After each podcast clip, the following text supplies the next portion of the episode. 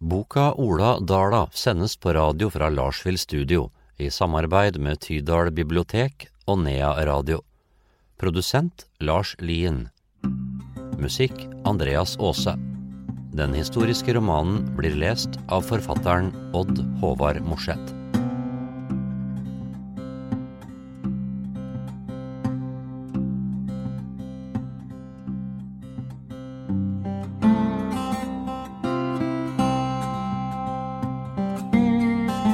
Kapittel 10 Tirsdag 1. juli 1823 Arbeidshjelp Det var bare dager siden brannen herjet på Dala, for Ola hadde dag og natt, døgn og tid gått i oppløsning. Han nektet å slippe håpløsheten til og arbeidet målbevisst og planmessig med å få ryddet tunet. Håkan og Peder hadde akseptert Ola sitt ønske om arbeidshjelp på gården noen dager, i bytte mot kløvhest på handelsturen videre innover Trøndelag. Det var Halvor sin gamle hest han hadde kjøpslått om. Halvor var fortsatt ikke kommet til hektene, men Ola hadde fort fått en avtale på sengekanten om hestelån ut sommeren. Den nordsvenske brune merra Halvor hadde kommet gående med gjennom fjellene for noen år siden, hadde vært til god hjelp. På mange av turene med køl og ved til Røros hadde far hatt med seg Hans på Flaten som kjørekar til merra, og på den måten utnyttet godt føre med to hester i kjøreleia. God med kløv hadde hesten alltid vært, og derfor mye brukt til og fra seteren. En vakker hest, med rimfaks i man og hale, men alderen hadde satt sitt preg på den. Den var ikke like rett over ryggen lenger, og hårlaget manglet spenst, mulen hang litt løsere rundt de slitte tennene. Ola hadde avtalt at de skulle hjelpe til med å rydde hustuftene, Alt av brukbart virke var tatt vare på. Nå var de snart på reise videre. Oppgjør for arbeidet var hest på turen. De skulle returnere før sommeren var over. Til høsten måtte han ha hjelp med hogst av tømmer og laft av hus. Skulle han på noe vis klare seg, måtte nytt fjøs til kyrne stå ferdig før vinteren kom. Betaling for arbeid med tømmerhogst og laft hadde Ola lovt karene fra Eldalen. Stuebygningen hadde endret karakter. Hele kammerset med loft var revet og ryddet bort. Midtpartiet med gang og kjøkken i bakkant var mye skadd. Det samme var kjøkkenloftet. De hadde gitt tak og takåser en midlertidig konstruksjon og en bordvegg tettet nå gavlveggen. Merkelig nok var lofttrappa nesten uskadd der den sto mot den svidde tømmerveggen inne i gangen. Ola ville ikke sette av mer tid og omsorg for hovedhuset. De satte i gang med å, å rive ned stabburet. Det toetasjes bygget for tørking, oppbevaring av kjøtt og lagring av mel, korn, brød og annet forråd gjennom vinteren måtte ofres. De løftet av takåser og tømmer i andre etasje og satte det opp igjen nede i tunet, på tuftene til løa. Ola var bestemt på at de måtte ha ei løe før høyberginga startet. Mye av graset kunne settes på stang i store såter, men i tunet måtte det være høylager til den daglige fôringa. Det vart ikke storhuset, men det ville duge til å pakke i vinterlass fra såtene i marka. Det var lett å se at Håkan og Peder var vante arbeidskarer. De tunge furustokkene i lafteveggen ble håndtert med kløkt, og løa kom fort opp. De la trobordene utover takåsene. Never og torv var også brukt opp igjen fra stabburstaket. De hadde saget ut en ny åpning i veggen, og nå laget de en luke av noen bordrester. Håkan laget hull i bord og la banker med en liten navar. Peder slo i treplugger han hadde spikket til. Førsteetasjen av stabburet hadde Ola bestemt seg for å bruke til geitfjøs, med noen sauer boende i et hjørne. De fikk klare seg med det i vinter. De måtte tømre ny gavl og lage takåser, men det fikk vente til karene var tilbake fra kremmerturen innover flatbygdene. Det var sein kveld da løa sto ferdig og karene gikk ned til sjøen for å vaske av seg støv og jord. Sommernettene var fortsatt lyse, men det hadde vært et kaldt drag i lufta de siste dagene. Det gikk noen regnbyger utover sjøen, skiftende vindkast pisket opp vannflata og tegnet elver på vannet.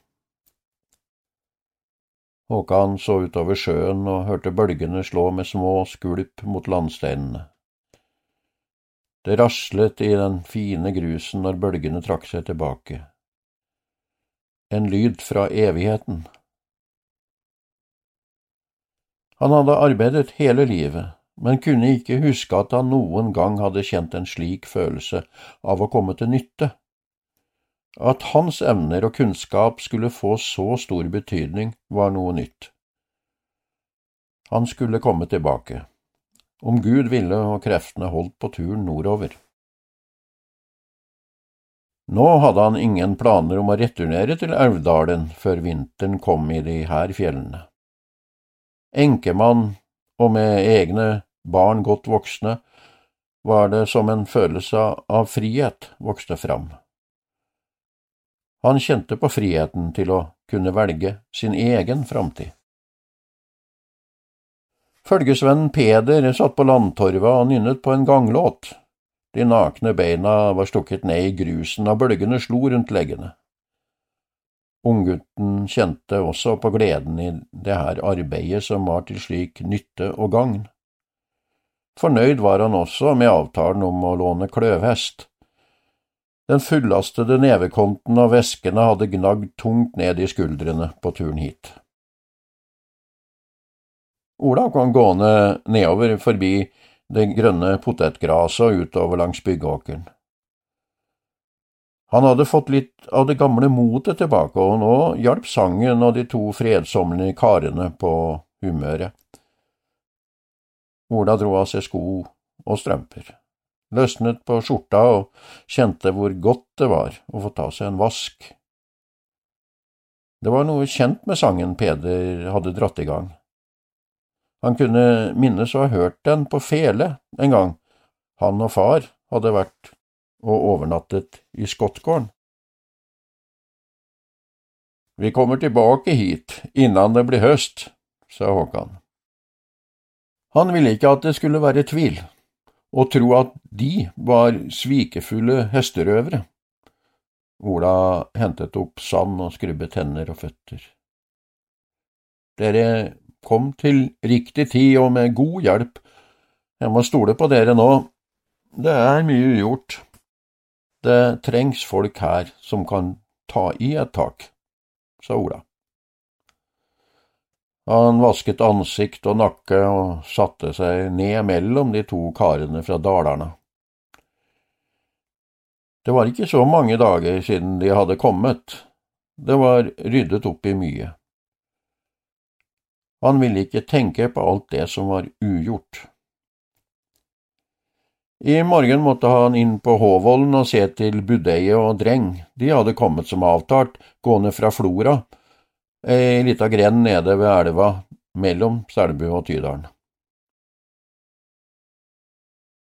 Om du har en god svans og gode økser, så skal vi nok legge ned de norske skoger like snart som skogen i Elvdalen har gått i bakken, sa Peder. De plukket fram pipene sine og karvet tobakk. De ble sittende tause alle tre i røyken fra pipene mens dagslyset forsvant.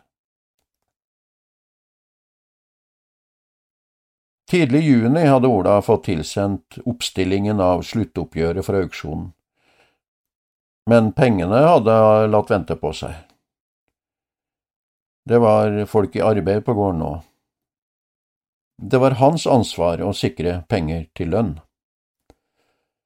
Penger til gode var det i alle fall, 44 riksdaler til Ola og Halvor, 22 riksdaler til de tre søstrene. Henningen Eggarn var oppnevnt som verge for Likkjalvor, mens Lars på Stuggevollen var verge for Anne. Marit, Ingeborg og Ola skulle få utbetalt sine andeler så snart skiftet var tinglyst. Gårdsauksjonen hadde satt sine spor, noe han hadde fått merke som lastkjører til Røros i vinter. Han husket blikket fra Anders i lien som flakket og vek unna når han prøvde å møte det nede ved løa. Ola var sikker på hvem som hadde gitt han et rykte som tuskhandler og tyv. Et rykte han ikke klarte å forsvare seg imot. Så lenge han ikke hadde mulighet for å gi noe svar på hvor pengene kom fra. Han hadde kjørt mange lass med køl og ved til Røros i vinter og møtt motvilje når han hadde spurt på stallplass og losji borte ved Aursund. Vær og føre bestemte ofte hvor dagsetappen måtte slutte. I bygdene rundt Røros var det vanlig å åpne dører for folk på ferdsel. Vinteren igjennom gikk det stadig transport til og fra smeltehytter og gruver. Det kjentes merkelig, men mest av alt vondt å få beskjed om å kjøre videre. Uten stallplass til Blakken var det bare å legge på dekken og feste han bak sleden i vinternatta. Han rullet seg inn i fellen i le av sleden og lot det stå til med vind og vær og snødrev. Det var netter der vinterkulda krøp helt inntil beinet og satte seg fast der, helt til han kom i hus. Ola strevde seg motløs og ensom gjennom slike netter.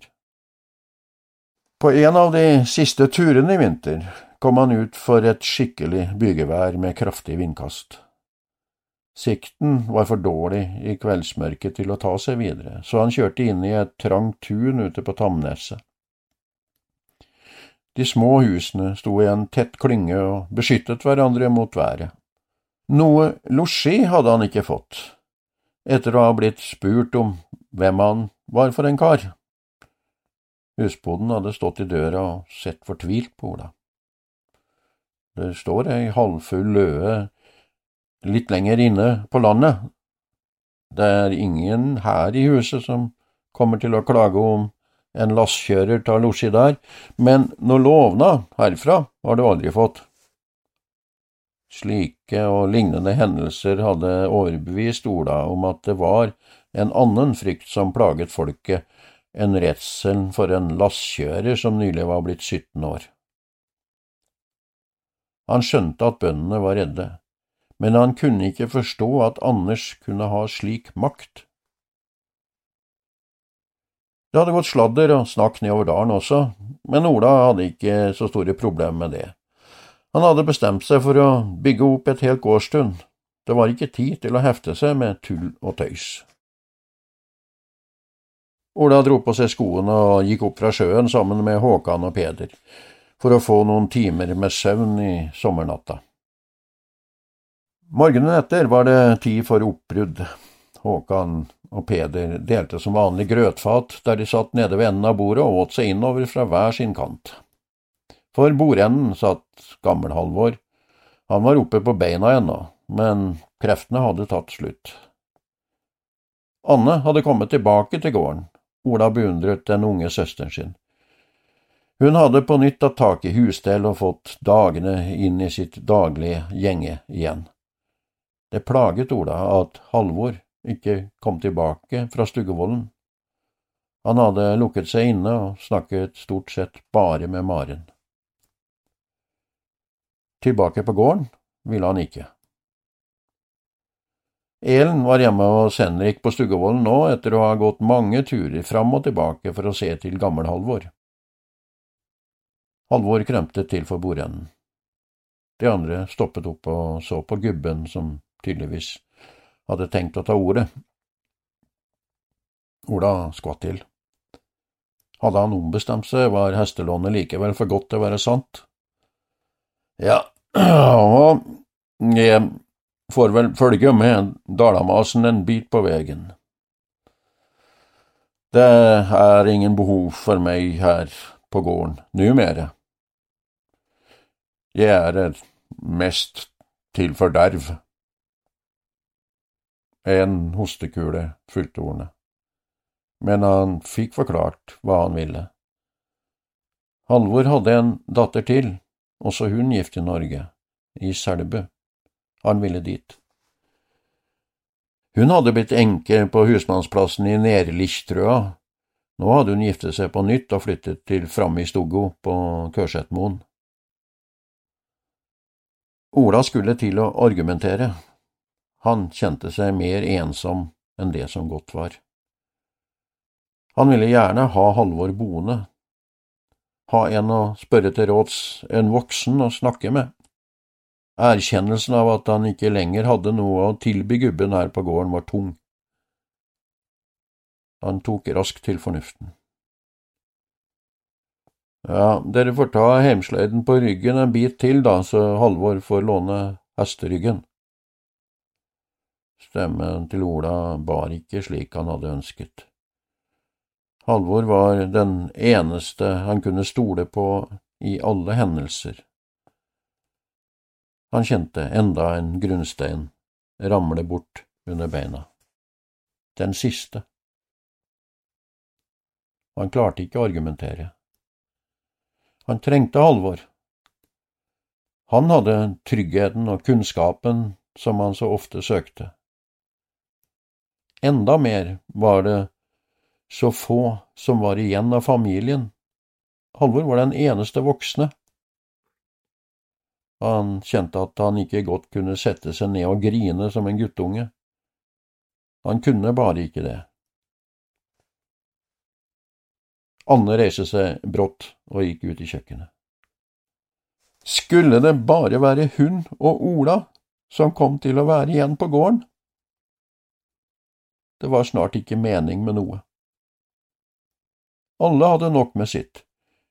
Til og med Lich-Halvor hadde møtt livet med alt av galskap det kunne by på, bare åtte år gammel. Gammel-Halvor hadde sett det og satt sine ord på det. Det var ikke tid til omsorg for noen her på gården lenger. Mens gråten sprengte seg på, gikk den unge jenta ut og opp på Storeskansen. Hun satte seg og slo skjørtet med sinte hender tett rundt knærne. Anne ble sittende og stirre inn i fjellene, lenge. Lot blikket følge de taggete ryggene og kvasse kvantene som tegnet seg mot horisonten.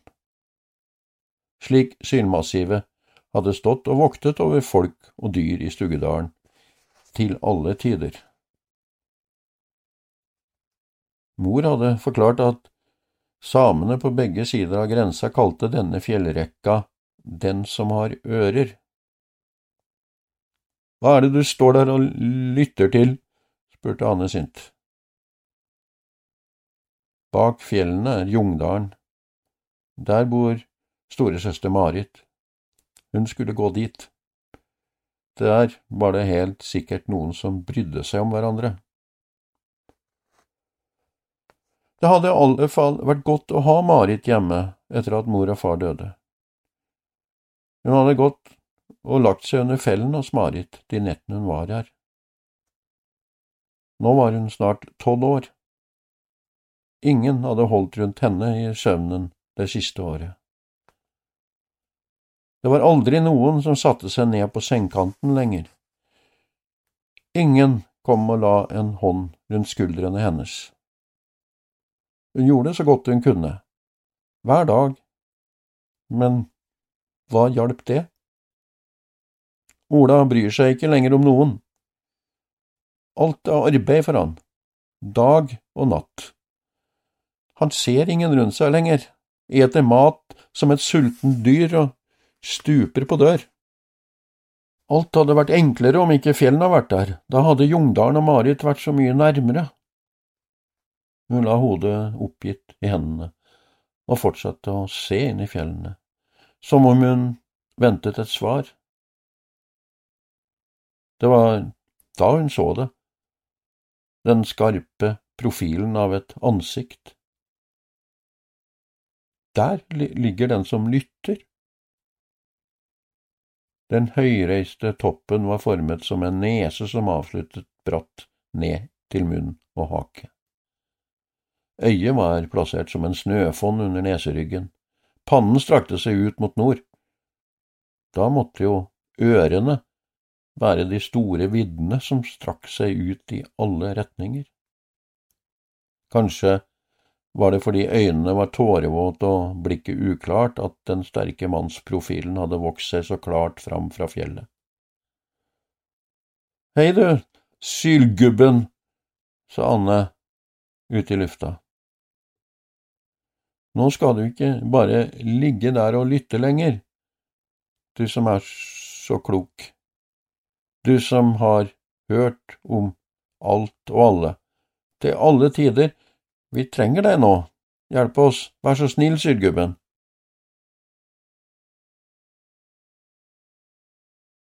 Neste dag kom sommeren for fullt i fjellet. Været hadde lettet i løpet av natten. En lett bris fra øst ga løfte om godt vær. Inne på Håvollen hadde fluene tatt ettermiddagshvil i solveggen. Noen tasset litt rundt på det solbrente tømmeret, andre pusset hodet med frambeina og ristet forsiktig på vingene. De fleste satt der, bare i en varm døs. Det hadde vært riktig så gode dager å være flue. Ingenting ga mer glede i livet enn en flokk med husdyr og en fersk møkk å leve på. Brynhild fulgte med på en paringslek borte ved Tømmernova. Det ble etter hvert mer enn en lek, sammenkoblet og totalt vergeløse hang de to der til slutt. Brynhild Rolseth var over 20 år og voksen dame. Det var mor Guri som hadde fått nyss om at det trengtes folk til setring på Dala, og mente at det var noe Brynhild kunne hjelpe til med. Beskjed var gitt oppover dalen til Per Hansagarden i, i Gresslia, der mor hennes kom fra.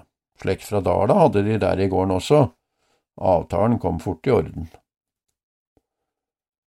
Ola hadde også spurt etter en kar som kunne være med i gjeting og slått.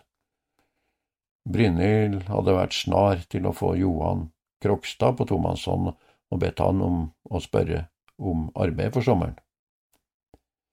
Johan fra Ustigarden Krokstad var en voksen kar, men han slapp ikke helt til på gården. Broren var bredbeint og høgrøsta. Johan hadde tatt et oppgjør med far og bror, før han la i vei oppover dalen midtsommers. Faren hadde gitt klar beskjed om at det var behov for arbeidsfolk på gården, han var tiltenkt å være i seter inne i Roltdalen og ta til med slåtten inne på myrene der så snart det var tid for det. Det var ikke det at han ikke hadde lyst, men han var midt i tjueåra og klar for større oppgaver enn å gå som slåttekar under kommando av broren sin. Den yngre broren hadde for lengst gitt signaler om at det var han som var den neste bonden på Krokstad. Faren tok aldri til motmæle når den yngste sønnen gikk bredbent med armene ut fra kroppen og gjorde seg viktig. Den sjøloppnevnte bonden på Krokstad skulle være hjemme på gården og stå for arbeid og transport med hest. Slik ble det at Brynhild og Johan hadde møttes lenger oppe i dalen og la i vei til fjells. Brynhild satt i solveggen ved setebua hun hadde dratt stakken oppover knærne og tatt av seg sko og strømper. Det var tid for den eneste fristunden på dagen, nå når sola var på hell. Hun hadde fått kjenne på livet som moden, voksen kvinne. Det meste var fortsatt i det skjulte og langt fra like åpenlyst som med fluene borte ved Tømmernova. Hun brukte å sitte her i veggen og vente til det var tid for buskapen og ta på hjemvei fra Mørsedalsvola og Line ved Langen. Hun kjente seg varm, ikke bare av sola. Det var noe med Johan som glødet, gleden ved å ha noe sammen, bare de to. Hun så utover de frodige liene, elva med stille kulper som gikk ut i fosser og stryk nedenfor. Mørsjøen speilet høgfjellene med snøfonnene mot øst. Det var godt å være fri, endelig å være voksen kvinne. Best av alt i verden var Johan. Brynhild samlet skjørtet i venstrehanda og løp barbeint oppover liene. Ved en liten varde oppe på et nakent berg, der terrenget vender til alle kanter, slapp hun stakken og la hendene til en trakt for munnen. Visst skulle hun lokke både dyr og kjæreste hjemover, slik hun hadde fått for vane hver ettermiddag. Hun sto i silhuett mot himmelen og kallet hjem til seters. Lokken i den sterke stemmen bar langt utover landskapet. Sterkere og klarere sang har nok aldri blitt hørt her i fjellene siden Ragnhild i Neggarden lokket hjem kyr. På vei innover i lia ved Håvollen kom Ola kjørende med hest og kjerre. Det var godt å komme bort fra det utbrente tunet og slippe lukta av fordervelse. Karen hadde tatt med Halvor på hesten og trasket utover dalen i dag tidlig. Anne hadde hatt det travelt med å komme seg bort på Stuggevollen for å være der i bakst. Det var bare han som sto igjen ute i tunet da de dro. Han dro i tømmene og stoppet, lyttet til sangen, det var som om hele fjellheimen lyttet. Han så Brynhild oppe på berget. Det røde håret danset i den lette vinden. Geitene kom opp over åskammen mot Brynhild. Det singlet skarpt i den støpte mesingbjella til geitemor. Killingene mekret og danset over rabbene. De hadde lært seg å gå etter lokken. Sauene kom med lammene på slep, og bak der kom bjellekua gående med den tunge, hule lyden som kubjeller er stemt i. Kyr og kalver utgjorde baktroppen. Hele bølingen samlet seg hos Brynhild. Dyrene knuffet og skubbet, det var tydelig at de ville ha salt. Snart kom Johan gående. Han hadde fulgt dyrene hele dagen. Det var slåttemark som måtte spares i traktene her.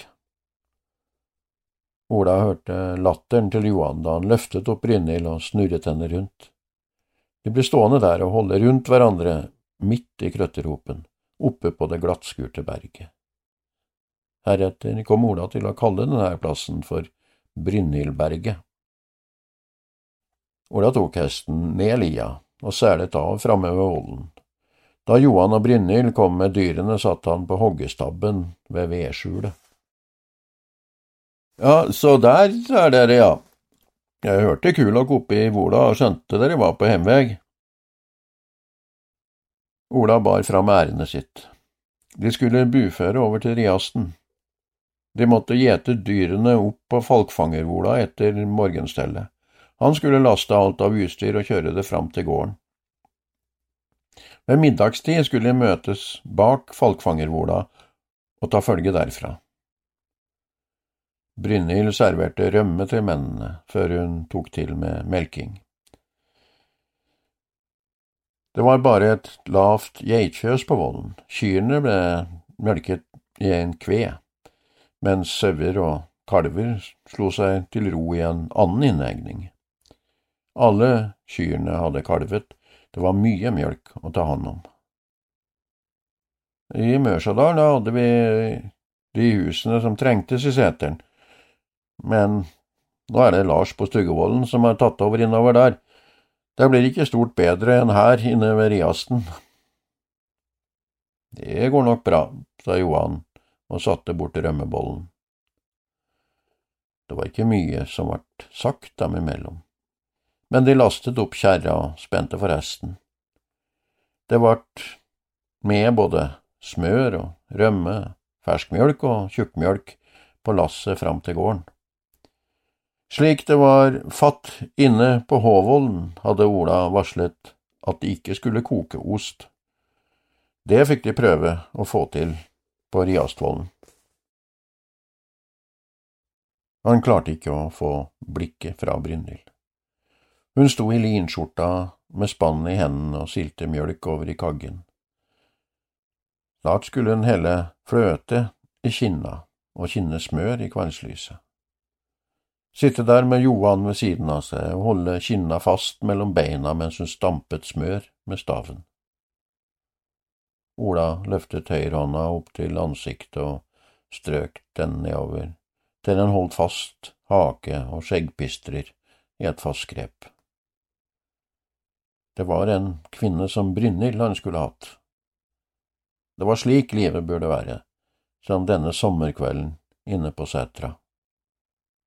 Han fikk det travelt med å samle tømmene og sende blakken i vei med fullastet kjerre. Det var vanskelig å slippe synet av de to oppe på berget ut av tankene. Han ønsket også å ha noen å være nær, ja, rett og slett en Brynhild, som var der og sa. Ei jente å holde rundt, arbeide sammen med, dele tanker med og bygge en framtid med. Det var som om noe slo seg fram og tok plass inni kroppen.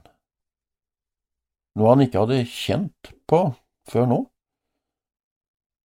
Han klarte ikke å stoppe tvilen. Livet han hadde valgt, sto i veien for det meste. Var løftet han hadde gitt far viktigere enn å skape seg sin egen framtid? Beslutningen han hadde tatt om å sette seg i stor gjeld, var forhastet. Han skulle ha lyttet til de som hadde gitt han andre råd. Stemmen til Johanna nådde fram, ord for ord. Nå hadde han ikke andre veier å gå enn rett fram, inn i en forpliktelse han hadde låst seg til. Det var ikke plass til lek og drømmer i livet. Det var ikke fritt for at ensomheten hadde lurt seg innpå, innenfra. Den kunne plutselig slå seg ned, langt nede i brystet og skape uro, gjøre han rastløs. Uro usikkerhet gjorde vondt. Uroen han kjente på nå, var noe annet.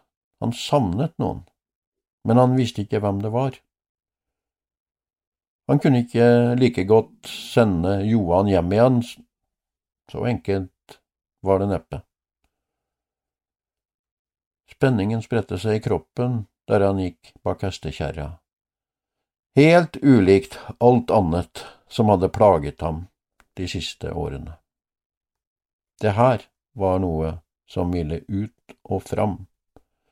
Han ville ikke være en guttunge lenger, en som folk snakket om. Han var ingen bedrager. Han var ikke en det var synd på. Han var Ola på Dala, en kar. Han ville ha noe mer enn arbeid og bekymringer, noe mer enn omsorg for egne søsken. Tankene strøk som sommerbrisen gjennom hjernen men forsvant like lett i solnedgangen. Det var et nedbrent gårdstun å komme hjem til. Det var den framtiden han hadde valgt. Skottgården, torsdag 17. april 1862 De hører Jørgen sparke snø av skoene i døra og romstere ute i gangen. En kaldgufs og noen snørester blir med inn i stua. Ane skjener ut i kjøkkenet og kommer inn igjen med grøt til Jørgen. Hun setter seg igjen og kikker skeivt over bordet på Ola. Du fikk en uvenn i bygda her etter auksjonen, sier hun plutselig. Hun strekker ut en mager hånd og legger den oppe på jakkeermet til Ola. Du må terget han Anders skikkelig. Han gikk rundt i bygda og skremte folk etter auksjonen på Dala. Her i gården hadde han ikke noe tak, men det var mange som måtte love å vende deg i ryggen. Jeg er ferdig med den karen nå for lengst. Det var tydelig at Ola ikke hadde særlig lyst til å være med på en prat om Anders Lien. Ja, det er mange år siden Anders døde nå, men du har sikkert ikke hørt da de fant gubben død på kjøkkengulvet? Nei, det måtte Ola vedgå at han ikke hadde fått med seg, og Ane forteller om naboen til Anders som ikke hadde sett skorsteinsrøyk borti lien på hele dagen. Magne kunne ikke annet enn å gå bortom for å se til om alt var som det skulle. Der lå han på kjøkkengulvet, knapt påkledd med ei vedski i hånda. Det spurtes fort i bygda når en slik kar hadde forlatt jorden. Det er knapt noen som kan minnes at så mange har møtt opp til ei likvake. Karene slo fort sammen om bord til ei kiste og lot den stå på kjøkkengulvet etter at de hadde fått Anders oppi. Det tok ikke lang tid før noen fant fram til lageret med sjenever. Det vart snart én dram, eller to, for den døde og hans videre ferd til himmelriket. Mange var nok ute etter papirer og dokumenter som kunne være betydningsfulle for noen og enhver. Det var de som hadde skrevet fra seg rett til slåtteteiger og løer for å slette gjeld. Etter på en måte de leie retten til slott og løe av Anders.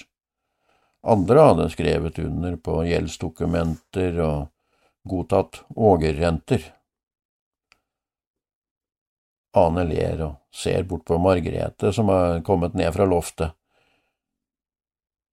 Det er greit å få ryddet opp litt, fortsetter hun. Det ble fyrt godt i peisen den natta.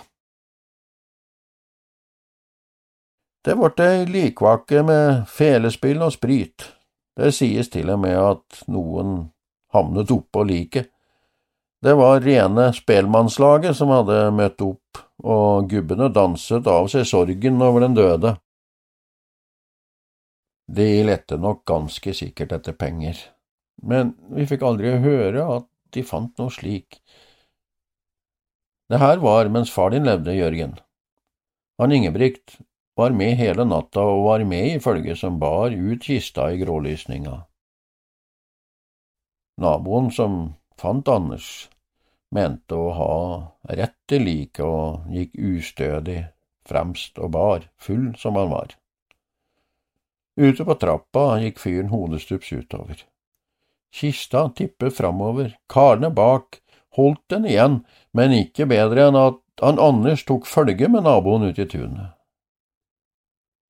De landet ved siden av hverandre, naboen og liket av husbonden.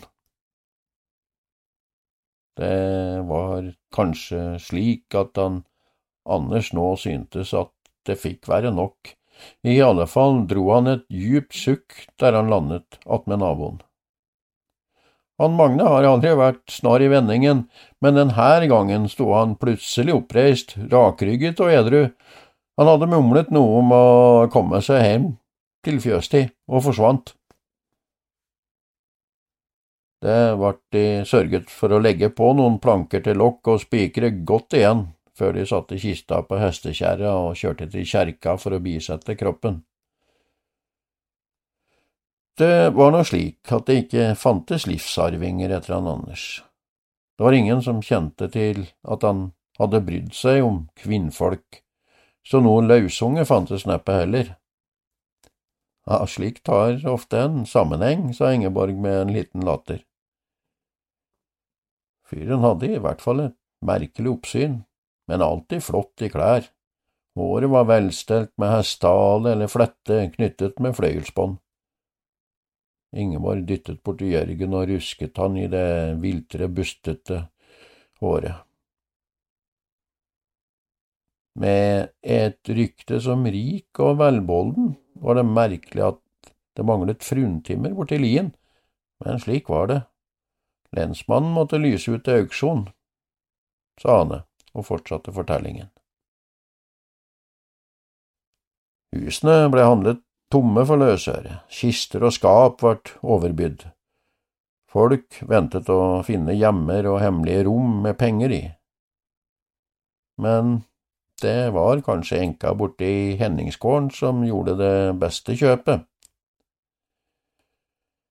Hun var enke tidlig og hadde litt husstell i lien. I mange år hadde hun gått dit og stelt i husene, og Anders hadde i alle år vært like gjerrig med betaling for arbeidet.